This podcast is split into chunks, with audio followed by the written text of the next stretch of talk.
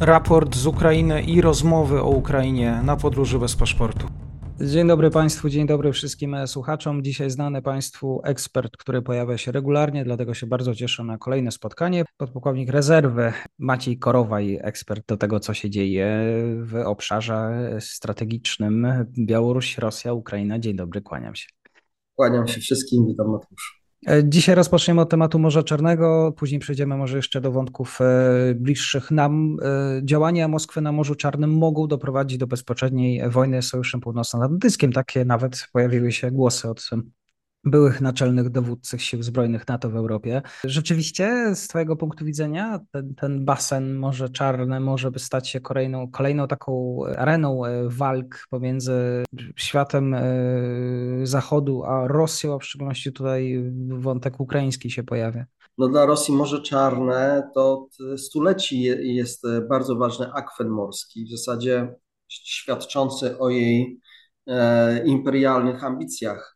E, bo takimi e, lufcikami wyjścia Rosji na świat to są właśnie te morza, e, czyli to, co mają na Pacyfiku dostęp, to, co mają na Morzu Północnym, Bałtyk też bardzo ważne, no i właśnie oczywiście Morze Czarne. Nie zapominajmy też jeszcze o takim też akwenie dosyć ważne Morza Kaspijskiego przecież. Te wszystkie obszary, a szczególnie te Morze, mm, morze e, Czarne e, w tym kontekście ukraińskim, mhm. no jest kluczowe do zrozumienia. Ukraina bez Morza Czarnego nie istnieje. Zwróć uwagę, że cała gospodarka światowa opiera się na transporcie morskim. Ten kraj, który ma możliwość transportowania morskiego, tak jak my na przykład Polska, Dzięki temu, że mamy linię brzegową, możemy sprowadzać e, surowce i, i eksportować i uczestniczyć w tym całym łańcuchu e, światowej gospodarki bardzo wydajnie. E, Rosja to też rozumie i musi mieć te okna, te lufciki do tego na, na tych wszystkich kierunkach, a przy okazji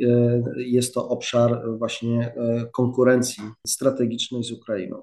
Wojna mhm. i projekt Noworosji, bo zapomnieliśmy e, już o tym projekcie z 2014 roku. E, Rosja chciała w zasadzie całe morze, e, wybrzeże Morza Czarnego, to, tego ukraińskiego, zabrać dla siebie w 2014 roku. To nie chodziło tylko o Krym, ale w zasadzie też były protesty w Odesie. Mhm. I tutaj, I tutaj jest jakby gen tego całego e, przedsięwzięcia, e, które realizuje Rosja. Pytałeś się, jak ona jest e, ważna dla, dla, dla Rosji, hmm. dlaczego, dlaczego Rosja tak zawzięcie tego walczy, a przede wszystkim, czy jest skłonna wejść w tym obszarze w konflikt militarny z NATO. Bo tych miejsc, gdzie ona może wejść w konflikt militarny, jest, jest trochę.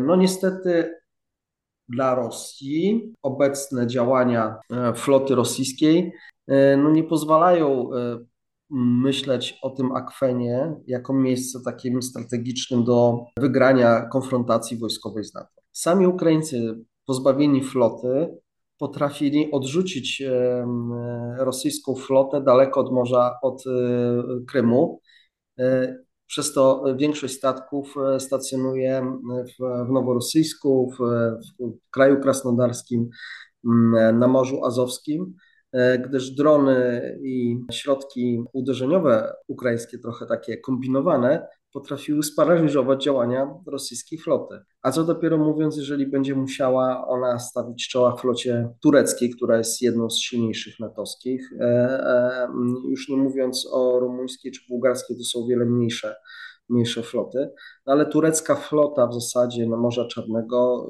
y, wystarczająco szachuje Rosję przed jakiejkolwiek konfrontacją z NATO. Wspomniałeś o tym, że Ukrainy nie ma bez Morza Czarnego. Jeszcze proszę cię o rozwinięcie. Y, tak jak mówiłem, Ukrainy nie ma bez Morza Czarnego, ponieważ przez Morze Czarne są eksportowane złoto Ukrainy, czyli produkty rolne te wszystkie deklaracje związane z pakietem zbożowym, że można było e, eksportować zboże e, ukraińskie do krajów afrykańskich, gdzie mają deficyt tego, tego, typu produktu, no są dosyć kluczowym dla bezpieczeństwa żywnościowego w zasadzie świata, bo Ukraina ze swoimi czarnoziemami jest le, największym e, producentem, najbardziej wydajnym producentem zboża w stosunku obszarowo do do plonów, jakie, jakie, można, jakie można uzyskać.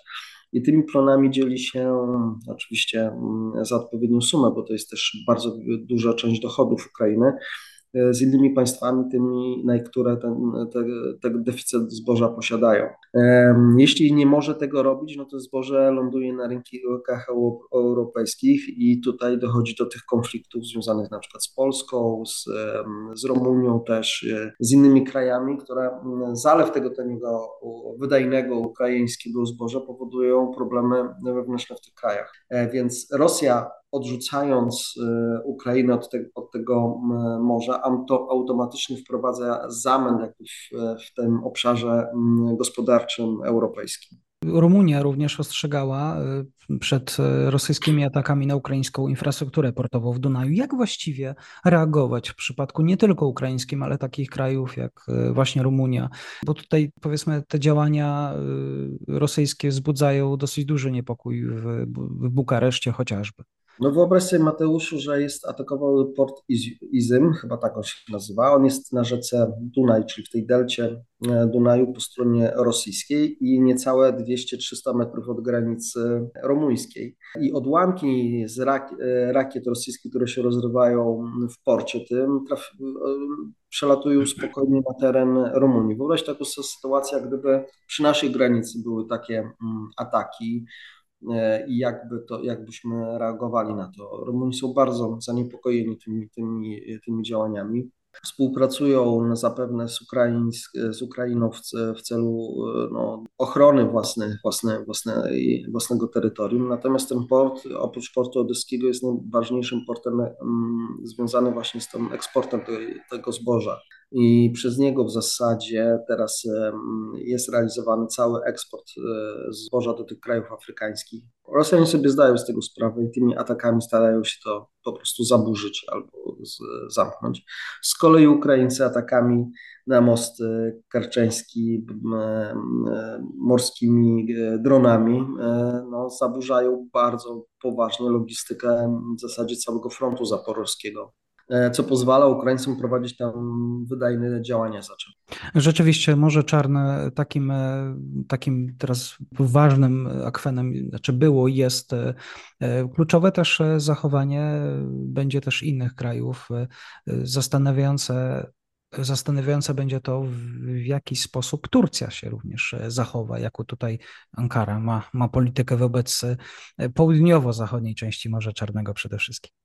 No, Ankarze zależy na tym, żeby była wśród krajów, e, które mają deficyty e, zboża i korzystają z ukraińskich, e, z ukraińskich transportów, przejawiać jako państwo, które jest gwarantem stabilności dostaw tego zboża. To ona, jako Ankara, wynegocjując z, z Rosją ten pakiet zbożowy pierwszy, no, pokazała swoją możliwość i złapała dużo jakby tam punktów e, w tych obszarach. Obecnie Rosja nie chce dać Ankarze już e, tego benefitu, natomiast e, Ankara stwierdziła, że będzie na tyle mm, zabezpieczać drogi morskie, przede wszystkim przeciw minami bo w tego typu akwenach najgroźniejszymi, najgroźniejszymi wrogami statków handlowych są miny. Tajemnicą Poliszynela jest, że Ankara i Turcja i w ogóle kraje mm, Morza Czarnego bardzo intensywnie mm, trałują swoje wody przeciw e, tego typu zagrożeniom, ewentualnie, które by Rosjanie mogli, mogli robić,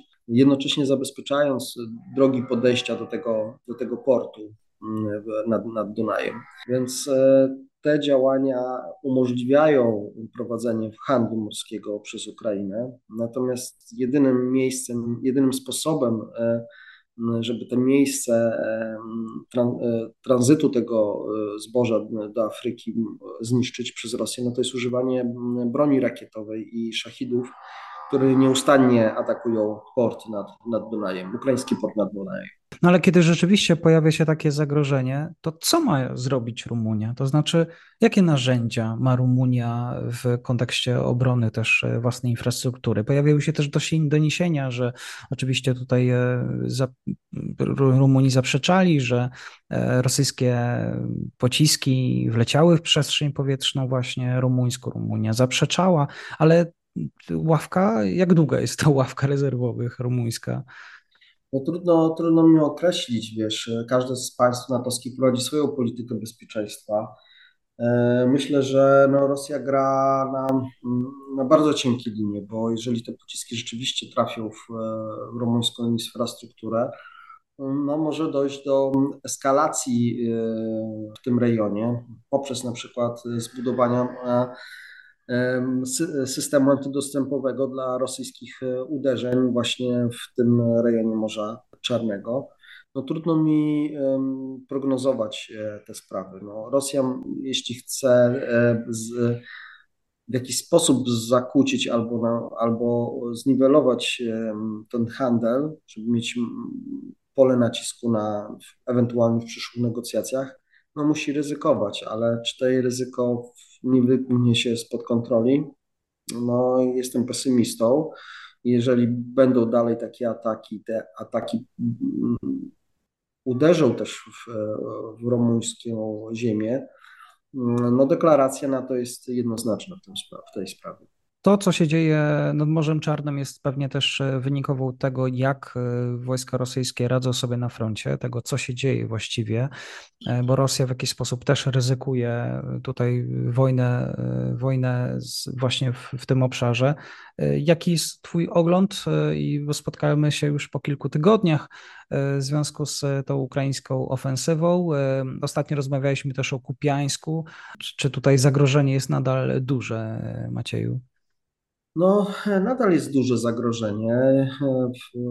Ta ukraińska y, ofensywa, czy też działania, krocząca ofensywa, można powiedzieć, to jest e, cały czas nieustanne wgryzanie się w ten e, system obrony rosyjski, ale to nic nowego. Mówiliśmy to wielokrotnie, jak to będzie wyglądało i tu się nic pod tym względem nie zmieni.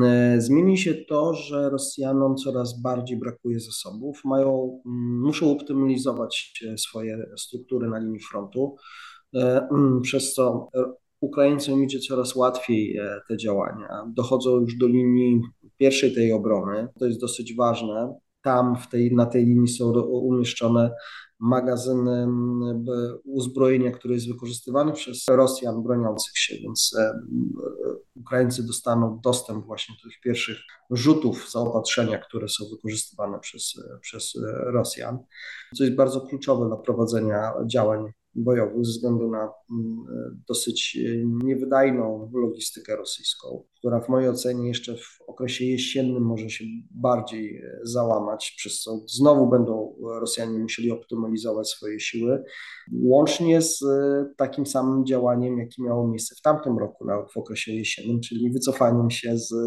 części e, terytorium. E, pamiętasz, E, Mateuszu takie same działania miały miejsce w, e, mhm. w ofensywie pod e, Chersoniem, gdzie też się stanowiliśmy, czy ta ofensywa wyszła Ukraińcom, czy się w zasadzie załamała, tam się biją o brud, czy brud tak. został zdobyty, czy tak. nie został zdobyty.